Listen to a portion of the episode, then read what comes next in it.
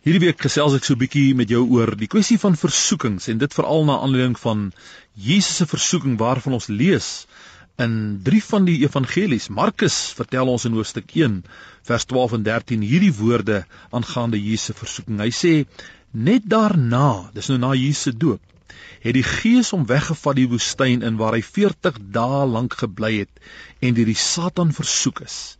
Jesus was daar saam met die wilde diere en die engele het hom versorg. Een van die lesse wat 'n mens kan leer uit Jesus se versoeking is dat 'n mens dikwels na 'n groot gebeurtenis of vir alle groot oorwinninge, 'n hoogtepunt in jou lewe, 'n versoeking of stryd te wagte kan wees. Jesus het so pas voor hierdie versoeking ervaring, het hy het hy opgestaan daar in die doopwater van die Jordaan en die Heilige Gees het op hom neergedaal in die vorm van 'n duif en die Vader se stem het uit die hemel uit bevestig dat hy in Jesus welbehaag het. En nou is hy in die woestyn waar hy deur die duiwel versoek word. Ook Paulus vertel ons daar in 2 Korintiërs 12 van al die voortreffelikhede waarna hy sou kon roem.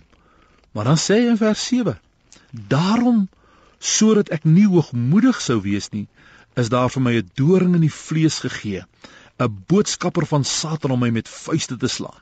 Dink hoe kan Elia, so pas nadat hy op Karmel daardie triomf behaal het oor die die Baalpriesters en die wonderlike krag van die Here beleef het en groot oorwinning behaal het, vind ons hom in die volgende hoofstuk in depressie onder 'n besembos waar hy wens hy liewers kan doodgaan.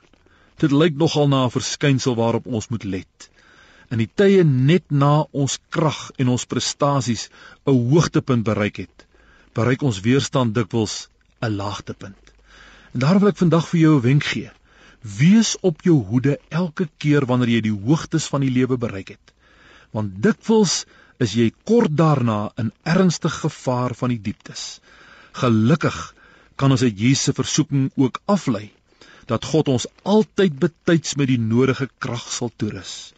Die Heilige Gees sal jou as God se kind voor die tyd reeds toerus om as oorwinnaar oor die versoeking te triomfeer.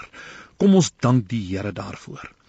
Dankie Here dat U my op die berge en die dale van my lewe bystaan en deurdra. Amen.